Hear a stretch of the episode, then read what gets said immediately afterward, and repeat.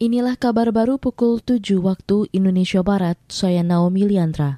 Presiden Joko Widodo yakin Indonesia tidak akan masuk ke jurang resesi karena kinerja ekonomi yang masih baik. Hal itu tercermin dari tingkat inflasi yang masih 4 persenan, pertumbuhan ekonomi yang diyakini berkisar 5 persen hingga surplus neraca perdagangan.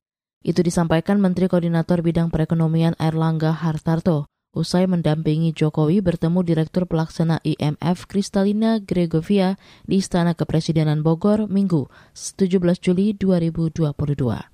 Indonesia melihat bahwa situasi eh, domestik kita relatif baik, beberapa negara masuk resesi, tetapi Indonesia terlihat potensi dari resesinya dibanding berbagai negara lain relatif sangat kecil, yaitu sekitar 3 persen. Kemudian tentu Indonesia berharap uh, IMF bisa terus mensupport kepemimpinan presidensi Indonesia di dalam G20 nanti, dan juga Indonesia berharap bahwa emerging country dan narasi dari IMF tetap positif tentang Indonesia Menko Perekonomian Erlangga Hartarto menyebut IMF berharap Indonesia sebagai presidensi G20 mampu memberikan solusi atas perekonomian dunia yang tidak menentu akibat perang Rusia-Ukraina.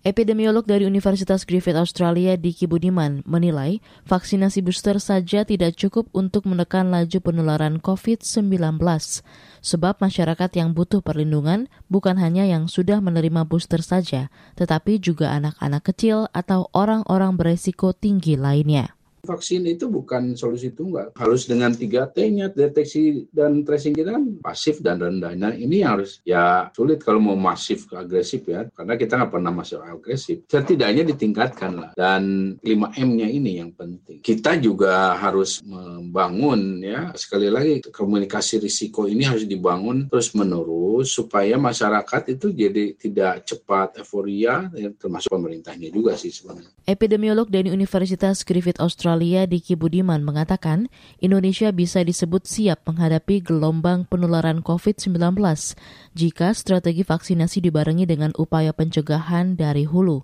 Selain itu, komunikasi risiko juga harus terus dibangun untuk mempertahankan kewaspadaan masyarakat, sehingga masyarakat tidak mengabaikan tren kenaikan kasus COVID-19. Bekas Presiden Sri Lanka Gotabaya Rajapaksa mengklaim telah berupaya mencegah krisis ekonomi di negaranya. Klaim itu disampaikan Rajapaksa dalam surat pengunduran diri sebagai presiden. Melansir Reuters dalam surat yang dibacakan, Sekjen Parlemen Sri Lanka Sabtu lalu, dia menyebut telah mengundang seluruh anggota parlemen membentuk kerjasama dengan semua partai. Menurutnya, krisis ekonomi di negaranya berakar dari kesalahan mengatur ekonomi yang terjadi sebelum dia menjabat sebagai presiden. Kondisi itu diperburuk dengan pandemi COVID-19 yang menyebabkan masalah keuangan di Sri Lanka. Gotabaya Rajapaksa resmi mundur dari kursi Presiden Sri Lanka usai di demo masyarakat akibat krisis ekonomi yang melanda negara itu. Demikian kabar baru KBR, saya Naomi Liandra.